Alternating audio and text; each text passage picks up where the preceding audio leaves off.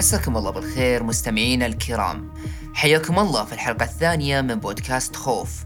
واللي تسمعونها بشكل حصري عبر منصة بوديو معي أنا محمد الصادق. الخوف من ال social media أو الرفض الاجتماعي. فيه الكثير من أنواع الخوف موجودة في هذه الحياة.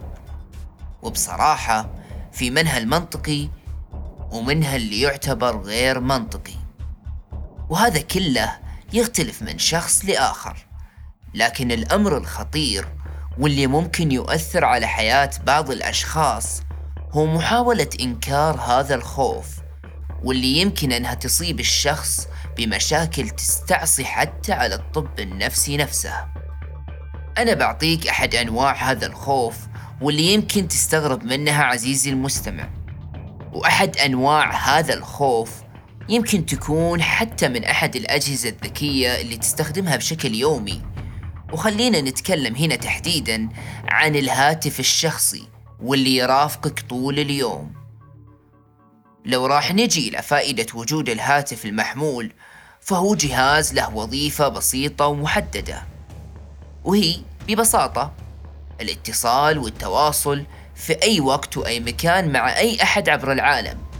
وبما أن التكنولوجيا البشرية تتطور بهذه السرعة المهولة صرت تقدر اليوم أنك تحمل مكتبتك وصورك وحتى عملك في جيبك ويمكن توصل لأي غرض تحتاجه فقط بضغطة زر.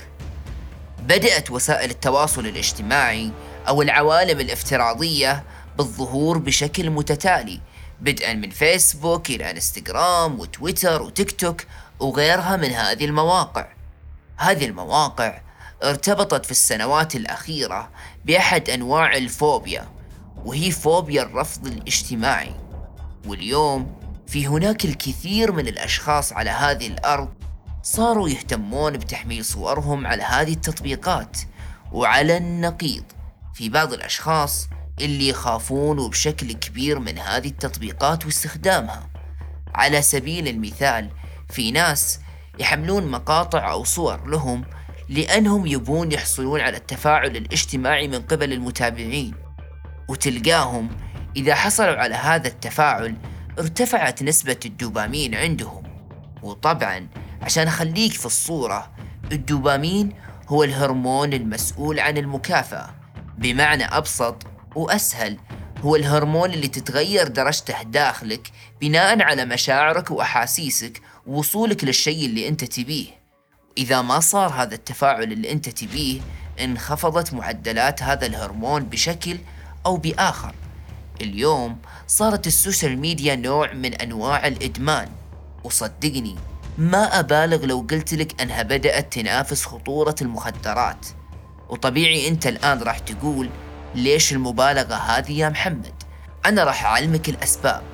أول سبب ممكن يخلي الشخص اللي ما يحصل على هذا التفاعل يحاول يعمل الأشياء اللي تلفت أنظار الناس بغض النظر ما إذا كانت صحيحة أو خاطئة.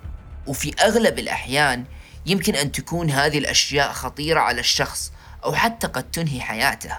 بالتالي ظهر لنا نوع جديد من الخوف وهو الخوف من الرفض الاجتماعي. هذا الخوف يملك تأثير كبير على حياة الشخص والمشكلة أن معظم الأشخاص صاروا يحسون بالضيق والمشاعر السلبية بسبب الرفض الاجتماعي على وسائل التواصل. وهذا الخوف بالذات صار يزداد سوءه مع الوقت. على العموم فيه الكثير من السلوكيات الشائعة بين مصابين هذا المرض. إيه المرض؟ وما أبالغ صدقني. لو ركزت في انعكاسات السوشيال ميديا على حياة البعض راح تعرف أنها مرض حقيقي. كما يمكن أن يكون الشخص مصاب برهاب الرفض الاجتماعي وهذا اللي يخليه شخص عدواني وعنيف. الخوف من الرفض يخلي البعض يتجنبون التواصل البصري كما يمكن أن يصابون بالتعرق والتوتر وغيرها من المشاعر السلبية لما يتكلمون مع أحد. ولما توصل إلى هذه المرحلة فمن الأفضل أنك تحصل على استشارة نفسية وطبية حتى تعرف سبب خوفك من الرفض الاجتماعي وتقدر تتعامل معاه بالشكل الصحيح.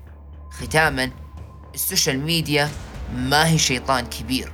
هي شيء يمكن أنه يساعدك على النمو والتطور لكن ببساطة لازم تستغل التعامل معاها بشكل صحيح. كنت معكم أنا محمد الصادق من بودكاست خوف على منصة بوديو. نلتقي بكم في حلقة قادمة. في أمان الله.